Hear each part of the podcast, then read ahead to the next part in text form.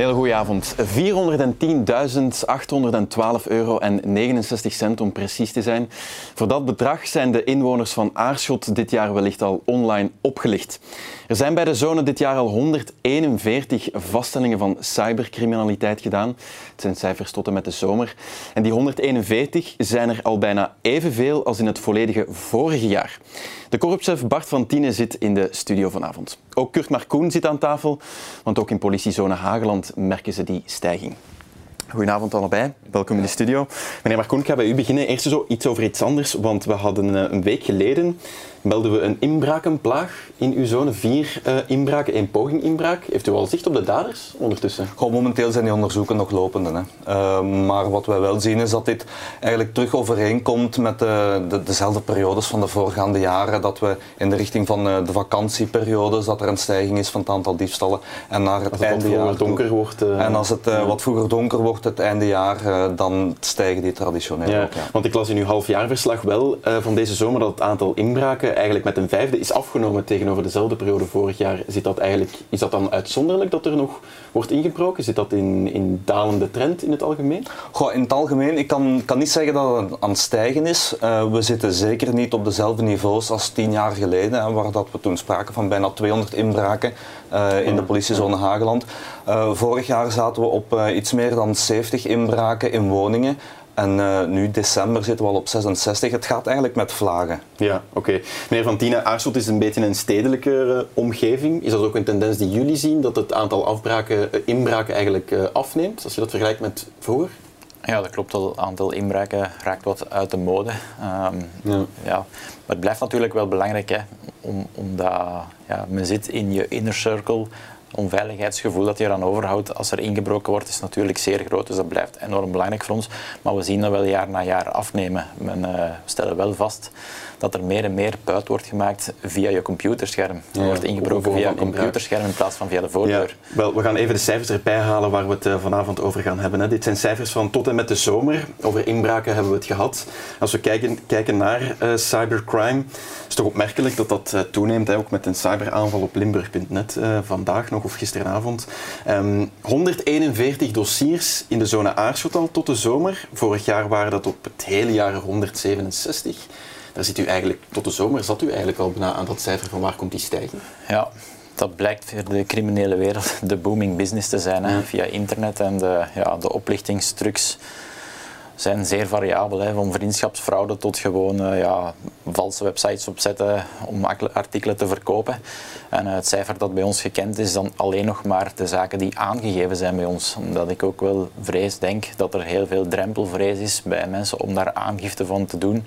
Dat men zegt van hoe kon ik zo stom zijn om daarin te trappen. Mm -hmm. Maar uh, ja, dat moet je absoluut niet hebben, die drempelvrees. Hoe meer aangiftes bij ons, hoe beter. Want hoe meer informatie we hebben en hoe beter we er kunnen opwerken. Ja, hoe meer puzzelstukken er samenkomen, Absoluut. ooit zal de puzzel wel eens vallen. Want vinden jullie die daders vaak? Want dat is misschien een beetje een argument dat mensen hebben. Waarom zou ik aangifte doen? Want ja, die, die mensen zitten misschien ergens in een land ver weg. Ja, vinden jullie die daders vaak? Het, het is natuurlijk niet evident en wij alleen zo'n daders vinden, ja, is ook niet makkelijk. Maar uh, we zijn ook deel van een geïntegreerd politielandschap. En als we allemaal samen in alle commissariaten uh, die puzzelstukjes kunnen samenleggen, komt daar af en toe wel wat resultaat uit. Men mm -hmm. moet uh, niet denken dat het een hopeloze zaak is. Mm -hmm. Af en toe komt er wel wat resultaat uit. Of zien we ook dat gewoon ja, criminele bendes of zo plotseling geld terugstorten omdat het te heet wordt. Ja, uh, als we voelen, hier zijn wel heel veel onderzoeksdaden die daar op ons afgevuurd komen voor uh, identificatie ja. van rekeningnummers of zo. Die uit eigen beweging dan zeggen, en dat, en dat dan zijn plots, bijna plots dat geld terug op de rekening staat. Kan gebeuren, gebeurt zeker niet altijd. Hè. Mm -hmm. ja. Maar het loont wel de moeite voor ons om aangifte te doen, zodat we veel informatie hebben. Ja, maar meneer Marcoen, ook in een kleinere zone zoals jullie, hebben jullie daar de expertise eigenlijk voor? Want ik zou denken dat dat een taak is voor heel gespecialiseerde politiemensen, om dat soort inbraken online inbraken dan te gaan onderzoeken. Het is iets helemaal anders dan sporen gaan opnemen aan een uh, geforceerde deur, hè, bij manier van spreken. Ja. Uh, er is natuurlijk een verschil tussen een forensisch onderzoek van een computersysteem en het, het, verder onderzoek doen van een, een, fraude die online gebeurd is. Hè. we hebben onlangs nog een aangifte gekregen van mensen die geld gestort hebben op een rekening, wat dan eigenlijk malafide bleek te zijn, waarbij dat er linken zijn kunnen gelegd worden met feiten die aan de kust zijn gebeurd, waar dat diezelfde rekening gebruikt werd. Dus ja, we hebben wel mensen die dat verder uitvlooien, die daar een zekere expertise in hebben. dat zijn geen hele cellen, maar dat hangt ook vooral af met de, uh, de interesse dat de mensen hebben op de werkvloer. Hè. Je hebt mensen die geïnteresseerd zijn in openbare orde, je hebt mensen die dan die interesse hebben in die computersystemen. Dus wij kunnen daar nog wel, uh, zijn natuurlijk beperkt in, capaciteit en antwoord op bieden. Ja. ja, want die 410.000 euro, dat is dan de geschatte uh, schade die mensen hebben opgelopen. Dat is een immens bedrag, hè? Dat is een immens bedrag, ja. Dat is, dat is ongelooflijk, ja. En gaan de mensen dat terugzien? hangt ervan af hè, wat het uh, onderzoek oplevert. Hè.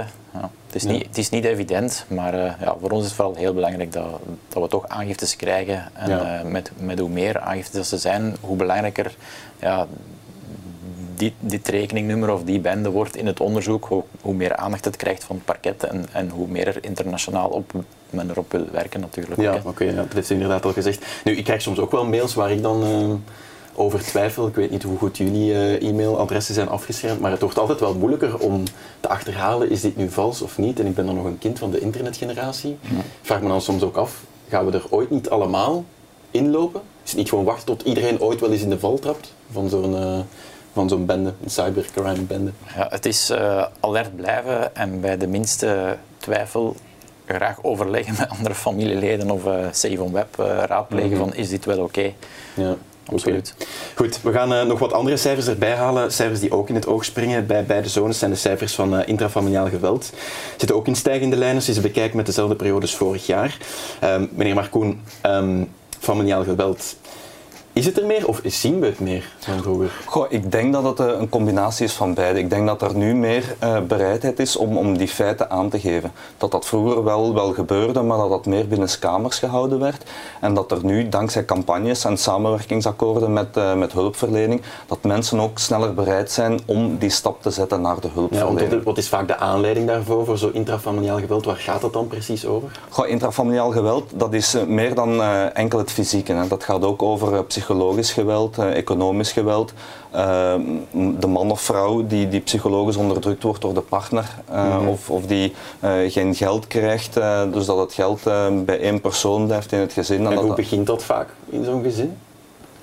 Ja, de oorzaken daarvan um, die, die zijn velerlei. Hè. Ik heb gisteren nog gesproken met onze mensen van de Jeugd- en Sociale Dienst.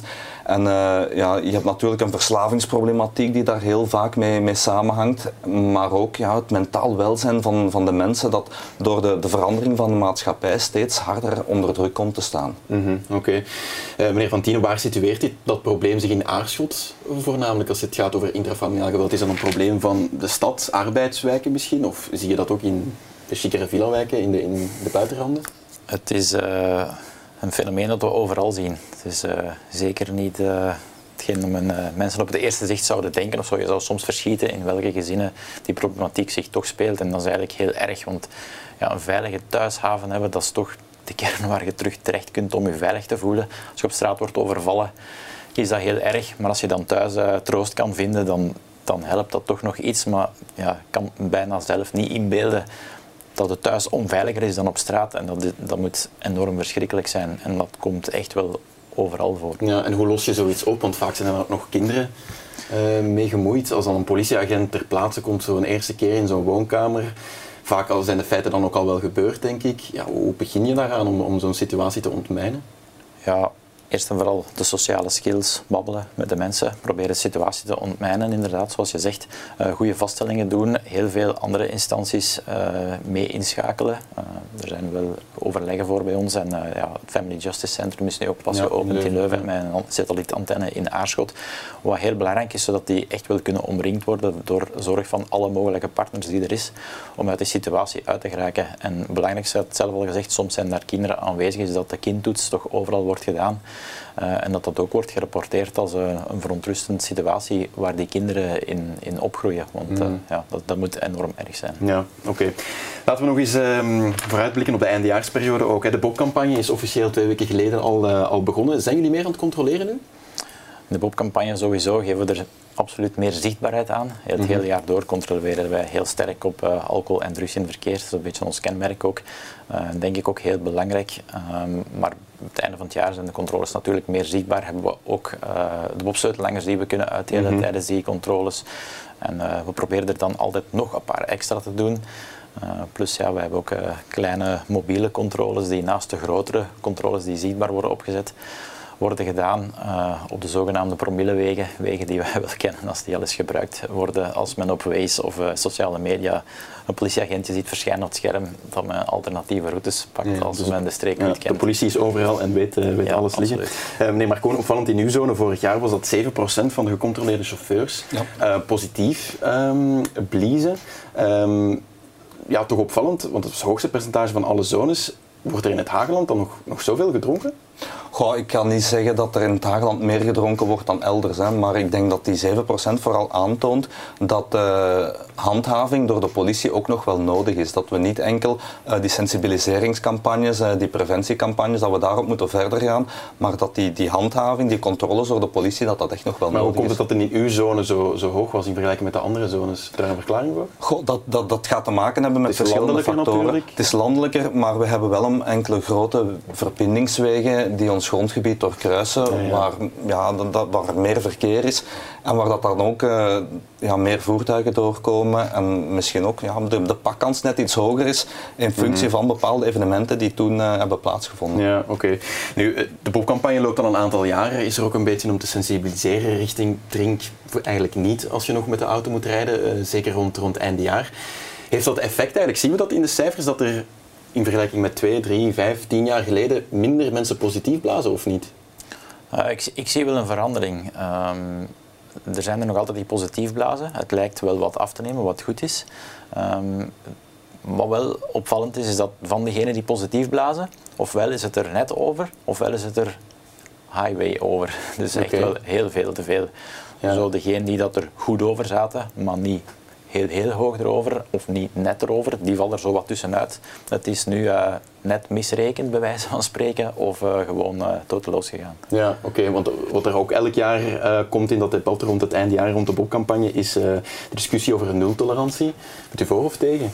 Goh, ik denk dat het voor de mensen duidelijker zou zijn van als je met de wagen rijdt, dan drink je niet. Ja, nu zoals, eigenlijk in principe. Dus, dus zoals Bart zegt, van de mensen beginnen gaan te rekenen van ik kan één pintje drinken, twee pintjes drinken, dan heb ik nog net, uh, ben ik nog net safe. Mm uh, ja, als je misrekent uh, en je hebt een ongeval of, of je reactiesnelheid wordt, net, wordt ook altijd trager hoe meer dat je drinkt en je rijdt iemand aan en je kan dat vermijden door gewoon niet te drinken, denk ik dat dat beter ja. is. Zou je ook voor zijn om dat in te voeren? Ja, het is zoals Kurt zegt, het zou veel duidelijker zijn. En, ja. uh, het rekenen gaat er tussenuit. En daar mispakken veel mensen zich aan. En je, je denkt ook, ja, ik voel het nog absoluut niet. Maar onderbewust je, je reactietijd vertraagt. Al is het maar met een halve seconde of met een seconde. Ja, je bent onmiddellijk wel makkelijker op een seconde twee, drie huisgevels verder en dan is het vaak fataal te laten. Ja, maar straf je met een nultolerantie, straf je op die manier eigenlijk ook niet um, de meerderheid van de mensen die zich wel aan die regels houdt en graag nog eens een glas drinkt, maar dan wel gewoon één glas drinkt voor het gedrag van een heel hardnekkige minderheid. Ja, alternatief zou ook zijn om de verlaagde limiet, die dat er nu al is voor de vrachtwagen en de buschauffeurs en de taxichauffeurs, om die gewoon voor iedereen te doen. Dan uh, passeert één beleefdheidsglas, uh, bij wijze van spreken, nog of een, uh, een zware praline of een dessertje met alcohol in, mm -hmm. passeert dan misschien nog wel. maar dan weet je, vanaf dat meer dan één is, is het sowieso Ja, ja oké. Het is een discussie die uh, vooral de politiek uh, moet voeren, denk ik dan. Oké, okay, heren, onze tijd zit erop. Bedankt voor de, voor de komst. En het is misschien nog wat vroeg, maar een fijn eindejaar. En veel uh, werkplezier. Dankjewel. U ook. En u thuis, bedankt voor het kijken naar deze Uitgelicht. Volgende week is de laatste Uitgelicht van dit jaar. En dan zit, als alles goed gaat, minister Gwendoline Rutte hier aan tafel. Tot dan. Dag.